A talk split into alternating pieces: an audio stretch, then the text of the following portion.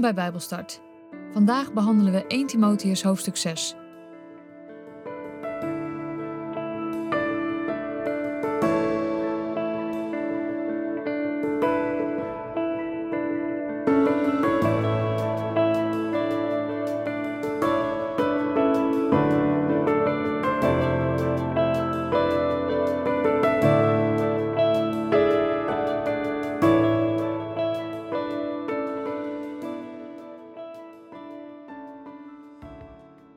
Ik lees met jullie uit de basisbijbel 1 Timotheus hoofdstuk 6. Gelovige slaven moeten respect hebben voor hun meesters. Dan kunnen de mensen niet slechts zeggen van God en van ons geloof. Slaven die een gelovige meester hebben, mogen niet op hun meester neerkijken omdat hij een broeder is. Maar ze moeten hem juist nog beter dienen, omdat hij een gelovige en een broeder is die zijn best doet om goed te zijn voor zijn slaven. Leer de mensen deze dingen. Er zullen ook mensen komen die andere dingen aan de broeders en zusters leren dan ik hun geleerd heb. Dat zijn trotse en eigenwijze mensen. Zij willen zich niet houden aan de gezonde woorden van onze Heer Jezus Christus. Ze houden zich niet aan de manier waarop we God moeten dienen. Ze hebben er niets van begrepen. Ze maken ruzie en zeuren over onbelangrijke dingen. Ze veroorzaken jaloersheid, ruzies, geroddel en wantrouwen. Al dat geharrewar ontstaat doordat ze niet meer helder denken en de waarheid zijn kwijtgeraakt. Ze denken dat het dienen van God een manier is om rijk te worden. Blijf bij zulke mensen uit de buurt. Maar het dienen van God is wel een grote rijkdom als we ook tevreden zijn met wat we hebben. Want we hebben niets op de wereld meegebracht toen we geboren werden. En het is duidelijk dat we ook niets uit de wereld kunnen meenemen als we sterven. Als we onderdak, eten, drinken en kleren hebben, moeten we tevreden zijn. Maar mensen die graag rijk willen worden, lopen in de val van de duivel. Ze krijgen allerlei dwaze en verkeerde verlangens, waardoor het langzaam maar zeker slecht met hen afloopt. Want het verlangen naar geld is de bron van al het kwaad. Sommige mensen zijn het geloof kwijtgeraakt en in allerlei ellende terechtgekomen doordat ze zo graag rijk wilden worden. Maar jij, man van God, blijf ver bij al deze dingen vandaan. Verlang naar eerlijkheid, een heilig leven, geloof, liefde, geduld en vriendelijkheid. Doe je uiterste best voor het geloof. Grijp het eeuwige leven, want daarvoor ben je geroepen en daarvoor heb je tegen heel veel mensen duidelijk over het geloof gesproken. In de aanwezigheid van God, die aan alles leven geeft, en in de aanwezigheid van Jezus Christus, die tegen Pontius Pilatus de juiste dingen over het geloof heeft gezegd, zeg ik je, houd je heel precies aan alles wat ik je heb geleerd, totdat Jezus Christus komt. Die dag zal komen, op het moment dat Hij heeft bepaald. Dan komt Hij, de goede en enige Heerser, de hoogste koning en de machtigste Heer. Alleen Hij is onsterfelijk en woont in een licht dat wij niet kunnen binnengaan. Geen mens heeft Hem gezien, geen mens kan Hem zien. Voor Hem is alle eer en eeuwige kracht. Amen. Zo is het. Zeg tegen de mensen die rijk zijn in deze wereld dat ze niet trots moeten zijn. Ook dat ze niet moeten vertrouwen op hun rijkdom. Die rijkdom kunnen ze ook zomaar weer kwijtraken. Maar ze moeten in alles vertrouwen op de levende God. Hij geeft hun alles overvloedig, om van te genieten en om goede dingen mee te doen.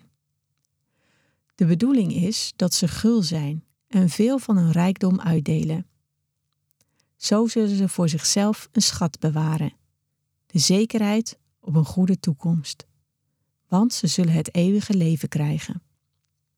Timotheus, bewaar alsjeblieft wat de Heer je heeft gegeven. Blijf ver bij onheilige praatjes en zinloze discussies vandaan die andere mensen trots kennis noemen. Een aantal van de mensen die zo van dat soort discussies houden, is het geloof helemaal kwijtgeraakt. Ik bid dat God in alles goed voor je zal zijn.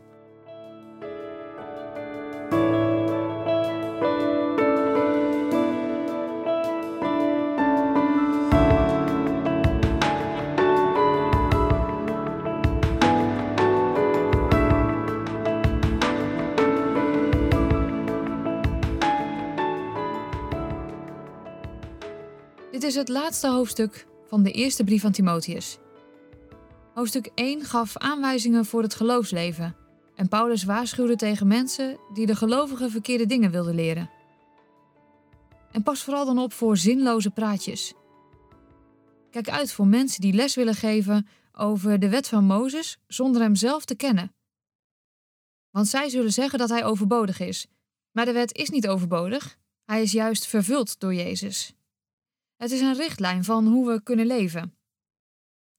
Maar de wet brengt zelfveroordeling met zich mee en het herinnert eraan dat we slecht zijn, dat we ons niet aan de wet kunnen houden en dat we dus eigenlijk niet goed genoeg zijn. Daarom is het ook belangrijk om je te herinneren wat Jezus voor ons heeft gedaan. Want als je aan Jezus denkt, dan mag je je blijven herinneren aan het feit dat we gered zijn door zijn lijden, sterven en opstanding. Hoofdstuk 2 en 3 gaven aanwijzingen voor de gemeente. We mogen bidden voor de regering en voor koningen. En dat lijkt misschien wat tegenstrijdig of moeilijk, zoals nu ook. Hier, nu in Nederland, is het soms lastig om voor onze regering te bidden. Er is zoveel verdeeldheid. Er is zoveel ellende en er gaan ook zoveel dingen fout. Maar juist dan moeten we voor ze bidden. Bidden dat ze door God geleid mogen worden. En niet alleen in onze tijd is het moeilijk, ook in de tijd waarin Paulus het schreef. Keizer Nero was namelijk een behoorlijk vrede man en hij gaf christenen de schuld van een enorme brand die half Rome in de as heeft gelegd. En toen kwam de vervolging op gang. Mensen werden uitgestoten, werden gemarteld en vermoord. Hoofdstuk 2 en 3 geeft ook aanwijzingen voor richtlijnen voor mannen en vrouwen. En we bespraken onder andere dat vrouwen zich best mooi aan mogen kleden, maar dat Paulus zegt: doe dat niet met de verkeerde redenen. Want ze wilden mannen verleiden om hen zo ook tot God te brengen. Ook werden er richtlijnen voor leiders in de gemeente geschreven. Zij moesten nuchter zijn, rustig, fatsoenlijk, gastvrij, mochten één vrouw hebben en ze moesten hun gezin ook echt leiding kunnen geven. Want als je je gezin al niet kunt leiden, hoe kun je dan anderen in de gemeente leiding geven? Ook werden er richtlijnen voor de mensen opgeschreven die die leiders bijstaan. En eigenlijk waren dat dezelfde voorwaarden. Ook de richtlijnen voor diakenen werden besproken en voor de jonggelovigen. En dan niet van jong qua leeftijd, maar de diepgang van hun geloof. Zij moesten eerst andere taken krijgen voordat ze een leidinggevende taak krijgen. Hoofdstuk 4, 5 en 6, dat zijn aanwijzingen voor de oudste in de gemeente. Er werd bijvoorbeeld beschreven wat de gemeente moet doen, welke zorgen moeten zij vervullen. En er wordt ook aangegeven dat het zwaar is, dat het hard werken is om gemeente van God te zijn, om kerk van Christus te zijn. We zullen vervolgd worden. Het is hard werken, maar het is het echt dubbel en dwars waard. En het mooie is, denk ik, in uh, hoofdstuk 4 is vers 12, waar Paulus tegen Timotheus zegt: Niemand mag op jou neerkijken omdat je nog jong bent. Zorg ervoor dat je in alles een voorbeeld bent voor de gelovigen. Door je woorden, je manier van leven, je liefde, je geloof en je zuiverheid. En gebruik je gaven. Timotheus had helemaal geen nieuwe gaven nodig. Timotheus mocht putten uit dat wat hij al gekregen had. In de vorige uitzending hebben we ook hoofdstuk 5, vers 1 en 2 behandeld. En daar staat: spreek tegen een oudere man met respect alsof het je vader is. Spreek met jonge mannen alsof het je broers zijn. Spreek met oudere vrouwen alsof ze je moeder zijn. En spreek met jonge vrouwen alsof het je zussen zijn. En ik haalde toen ook aan dat stukje van die dating sites, waar ik echt, uh, ja, echt een gruwelijke hekel aan heb. Omdat je dan, als je dan al zover bent dat je denkt, nou laat ik dan toch maar een profiel aanmaken, van die verschrikkelijke oneerbare voorstellen krijgt. Gewoon in je eerste mailtje. Ook op christelijke dating sites. En dat ik me dan afvraag, hoe zou jij het vinden als een man zo tegen jouw zusje sprak?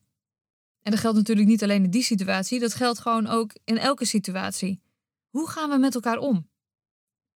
Als het je broers zijn of je zussen, dan toon je toch respect? Dan scheld je ze toch niet uit? Als je nu naar een groep jongeren kijkt die uh, aan het fietsen zijn of uh, ergens aan het voetballen zijn, dan hoor je ze schreeuwen en je hoort ze ook echt de meest vreselijke dingen tegen elkaar zeggen. En daar ben ik echt verbaasd over. Zonder dat ze ruzie hebben, schelden ze elkaar uit voor hele frappante, gekke dingen. Dus je denkt, hè? Hoezo? Waar is het respect? Waarom kun je niet een compliment geven? Waarom moet een negatief deel van een ander, waar die ander zich waarschijnlijk al over veroordeeld heeft, zo uitgelicht worden? Waarom moeten er grapjes gemaakt worden over gewicht, over geaardheid? Laten we met elkaar omgaan alsof we broers en zussen zijn. En met de ouderen alsof het je vader of je moeder is. Een tekst die ongeveer in 64 eh, na Christus geschreven is, maar nu nog steeds zo van toepassing is. We hebben het ook nog even kort gehad over de hulp aan weduwen. Weduwen, vooral dus de vrouwen, hadden vaak geen baan in die tijd en dus geen geld. En als je dan een oude weduwe was zonder familie, dan was je eigenlijk afgeschreven. Dan was je veroordeeld tot armoede. Paulus geeft aan dat jongere weduwen liever moeten trouwen. Om zo nog een gezin te kunnen stichten of in ieder geval een man te krijgen die hen kan onderhouden. Om zo niet ook nog die zorgen en die kosten bij de gemeente te houden. Maar wat mooi is, is dat de oudere weduwen vaak ook een tegendienst bewezen. Zij gingen werkzaamheden verrichten voor de gemeente. En leiders in een gemeente die moeten een goed voorbeeld geven. En eigenlijk zie je dan weer een herhaling van hoofdstuk 3. De richtlijnen voor mannen en vrouwen en de richtlijnen voor de leiders. De leiders in de gemeente die dus nuchter, rustig, fatsoenlijk, gastvrij moeten zijn, die geen verslaving mogen hebben, die maar één vrouw mogen hebben en die hun gezin ook goed leiding kunnen geven. Eigenlijk moet iedere leider daar een voorbeeld aan nemen. En dan hoofdstuk 6. Dat is dus ook een onderdeel voor aanwijzingen voor de oudste. Maar Paulus neemt even een zijtak. Hij schrijft eerst het advies voor slaven. Slaven moeten respect hebben voor hun meester. In de Grieks-Romeinse wereld was er een enorme kloof tussen slaven en meesters. En dat was een maatschappelijke, maar ook een juridische kloof. Slaven hadden veel minder zeggenschap. Slaven hadden veel minder rechten. Maar wat doe je als een slaaf en een meester beide gelovig is? Dan zijn ze als broeders en dus gelijk voor de Heer. Maar toch moet een slaaf dan toch hun meester gehoorzamen. Juist is het nog beter om ze nog beter te dienen. Want die broeder en die meester, die zal dan ook alles doen om een slaaf zo goed mogelijk te behandelen. Wat daar als slaaf en als meester opgeschreven is, zouden we nu als werkgever en werknemer in onze tijd kunnen lezen. Dus als werknemer moet je respect hebben voor een werkgever. Maar een werkgever moet dat respect ook verdienen en eerlijk en betrouwbaar zijn. En als je dat doet, als beide christen, dan laat je zien dat we Jezus als voorbeeld nemen. Een verschil in status brengt namelijk altijd het gevaar van veroordeling met zich mee. Maar niemand mag een ander uitbuiten of overheersen. Niemands theologische mening is meer waard op grond van je status. En verdeeldheid ontstaat vaak door theologisch gekibbel. Terwijl dat juist die theologie de kerk zou moeten verenigen. Paulus schrijft ook nog een aantal dingen over het gevaar van rijkdom. Geld maakt niet gelukkig. Daar zijn ondertussen genoeg bewijzen voor. En toch is het zo dat rijk alleen maar rijker wil worden, maar hé, hey, arm wil eigenlijk ook alleen maar rijker worden. De mammon is niet alleen maar dat een rijk persoon rijker wil worden en altijd maar meer wil hebben. Gebrek aan geld is ook een mammon. Want het houdt je namelijk in de greep. Het is een afgod. Je bent er elke dag mee bezig. Of je nu veel of weinig geld hebt. Geld is altijd een drijfveer van mensen. En op een of andere manier zijn we altijd geneigd om maar meer te willen hebben. En als je er zo op gefocust bent, als je zo op je portemonnee gefocust bent, dan heb je geen focus meer voor andere gedachten. En dan is het natuurlijk dus ook heel moeilijk om je gedachten op God te houden. Efeze was een hele rijke stad en die had dus ook veel rijke inwoners. En Timotheus moest dus de inwoners leren dat rijkdom ook grote verantwoordelijkheden met zich meebrengen. Dus als je rijk bent, wees dan gul, maar ga dan niet oplopen scheppen.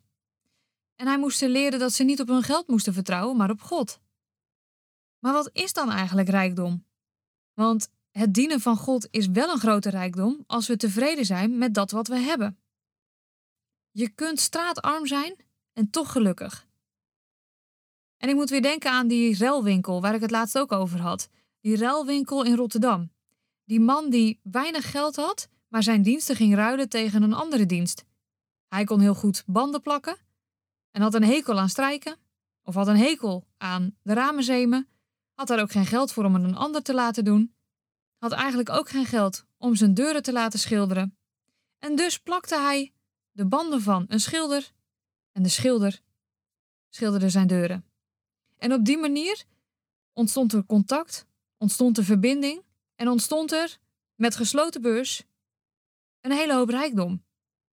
Beide werden er beter van. Beide kregen waar ze behoefte aan hadden, plus nog meer. Contact, een gesprek, een echte ontmoeting. Paulus sluit af met vers 20 en 21.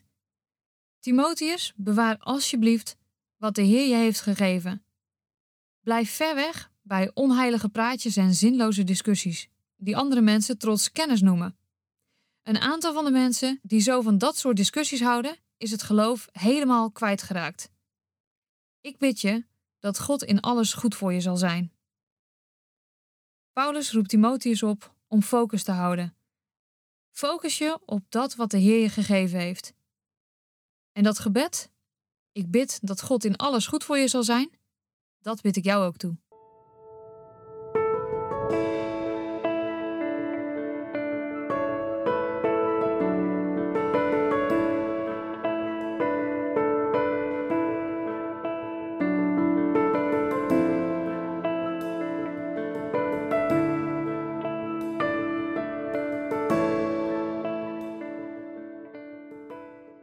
Dit was Bijbelstart, een programma van TWR. Het is gebaseerd op het Amerikaanse programma Through the Bible, ook wel TTB genoemd. En deze uitzending is een samenvatting van twee afleveringen. Wil je meer weten? Ga dan naar ttb.org of ga naar twr.nl/bijbelstart.